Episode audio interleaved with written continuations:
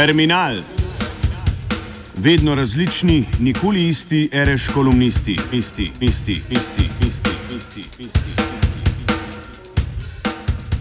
Izvolitev Donalda Trumpa za predsednika ZDA bo zagotovo imelo nekatere konkretne posledice v Evropi.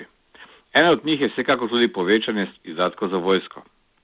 To je dobro tudi za slovenske vojake, ki sicer te dni stojijo tudi v vrstah za pakete socialne pomoči. S tem bo paradoksalno izvolitev konzervativnega Donalda Trumpa na drugi strani sveta v ZDA za slovensko vojsko prinesla rešitev, ki je naši vojaki niso mogli pričakovati niti od samostojne slovenske države, kar je več kot sramotno. Uradno pa je nujnost večjih izdatkov za obrambo predstavljena tako, kako da so se višjih izdatkov za obrambo nenadoma spomnili naši politiki sami. Krepitev sodelovanja EU in Zveze NATO pomeni, da bo treba v prihodnje za našo varnost nameniti več sredstev, je te dni v Bruslju povdaril zunani minister Karl Rjavec.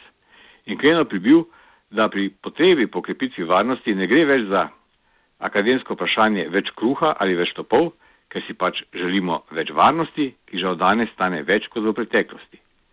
Vse lepo in prav to, da zakaj se je naš obramni minister teh besed, zunani minister, teh besed domislil šele sedaj? Vseh teh besed iz ust našega vrlega in veštega ministra Karla, ki je stolček ministra za obrambo ali za zunanje zadeve, ob sestradani vojski mirno gre dolga leta, namreč zagotovo ne bi slišali, če bi se v Belo hišo na mesto Donalda Trumpa preselila Hillary Clinton. Kar se na srečo seveda ni zgodilo. To seveda ne pomeni, da Trump ne bo vlekel slabih potez, te so pričakovane. Toda Clintonova bi bila na mesto predsednice ZDA zaradi cele vrste razlogov zagotovo še veliko slabša. Toda Clintonova je evropske zaveznike prepričevala, da bodo ZDA še naprej skrbele za varnost vseh članic zveze NATO, ne glede na to, kako same članice izpolnjujejo svoje obveznosti. Trump pa je v nasprotju s tem v svojih predvolilnih govorih večkrat izpostavil, da je NATO preživeta organizacija in da ZDA vanjo veliko več vložijo, kot pa imajo od nje koristi. In jasno napovedal, da bi v primeru njegove izvolitve ZDA pred morebitvo obrambno zaveznikov najprej preverile izpolnjevanje zavez svojih partnerjev. Tudi britanski zunani minister Johnson kot nespremljivo označuje dejstvo, da ZDA prispevajo več kot 70 odstotkov vseh obramnih izdatkov zavezništva.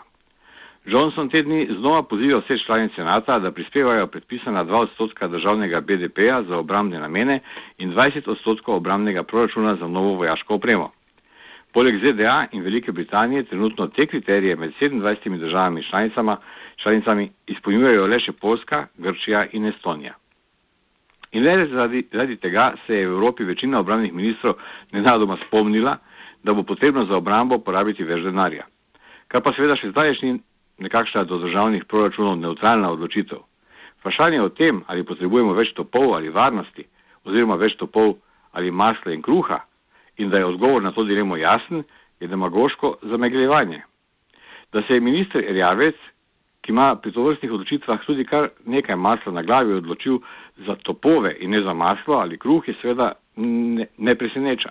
Kar preseneča, je to poumno strajanje večine evropskih politikov pri politiki kazanja vojaških mišic, predvsem v razmerju do Rusije, ki seveda povzročajo manj masla in kruha za vse, tudi za evropske državljane.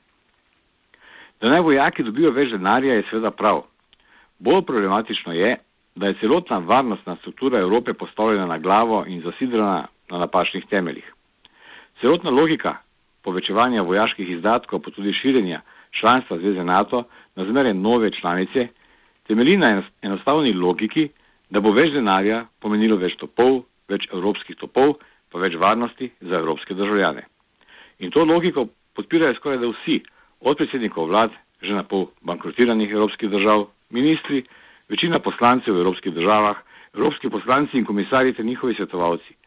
Kljub temu pa so zadnje krize pokazale, da je Evropa v vse večji nevarnosti. NATO je, kot smo opozarjali dolgo leta, generator največjih nezakonitih intervencij, ki so zrušile stabilnost bližnjega vzhoda in Evropo soočile z begunskim valom. NATO in njegova širitev pod pokroviteljstvom ZDA pa je bila prav tako razlog za vojno v Ukrajini in za ostritev odnosov z Rusijo, ki je Evropi prinesla celo vrsto težav.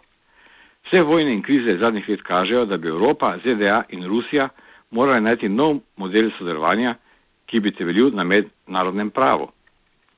Povedano drugače to seveda pomeni, da bi se EU in ZDA morale predvsem odpovedati svoji politiki enostranskih intervencij in poiskati nov model partnerstva z Rusijo, pa tudi Turčijo.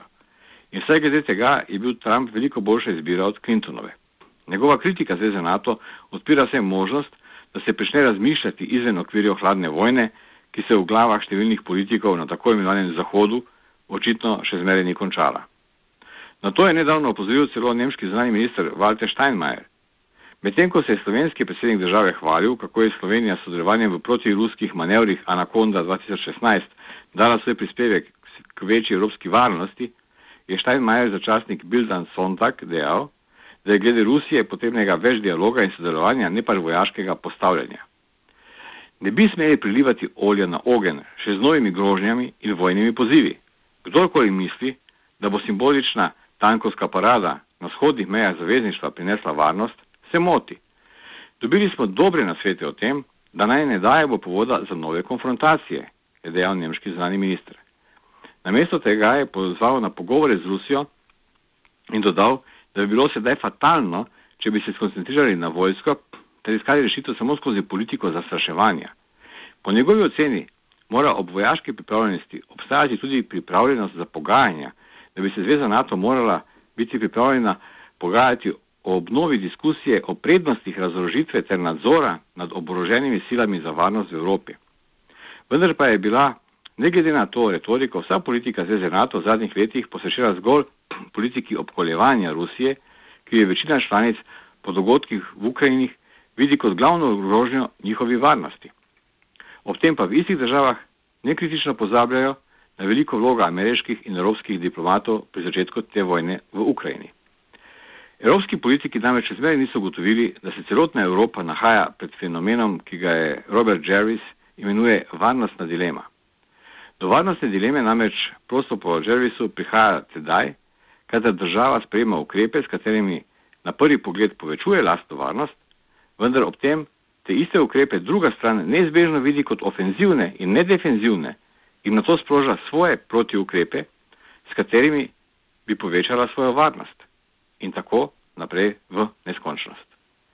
Ta oboroževalni krok se na to, če ga ne prekinemo, nikoli ne konča ali pa se konča z vojno. To polni nikoli dovolj in zmeraj je mogoče narediti še večji, boljši, dražji top. Vse to pa na račun zdravstva, šolstva in življenskega standarda ljudi, ki so prisiljeni plačevati ogromne sote denarja za zmeraj novo, drago vojaško opremo. Kako se bo sta Slovenija in Evropa izvila iz tega začaranega kroga, v katerega ste se zapletli tudi zaradi napak lastne zunanje politike, na to naš zunani minister sveda ne odgovarja. Na to vprašanje ne zna ali pa ne zmore odgovoriti. Ima namreč, tako kot vsa uboga slovenska vlada, samo en cilj. Preživeti do naslednjih volitev še kakšen dan, teden, mesec ali morda celo nekaj let.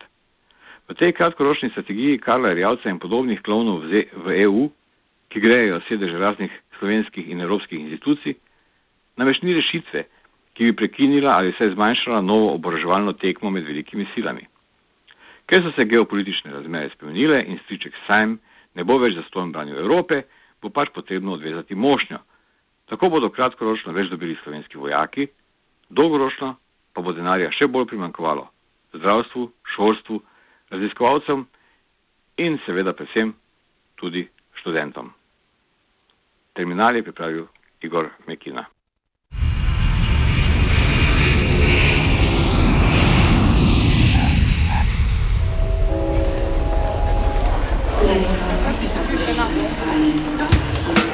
Terminal. Vedno različni, nikoli isti, reš kolumnisti, isti, isti, isti, isti, isti, isti. isti.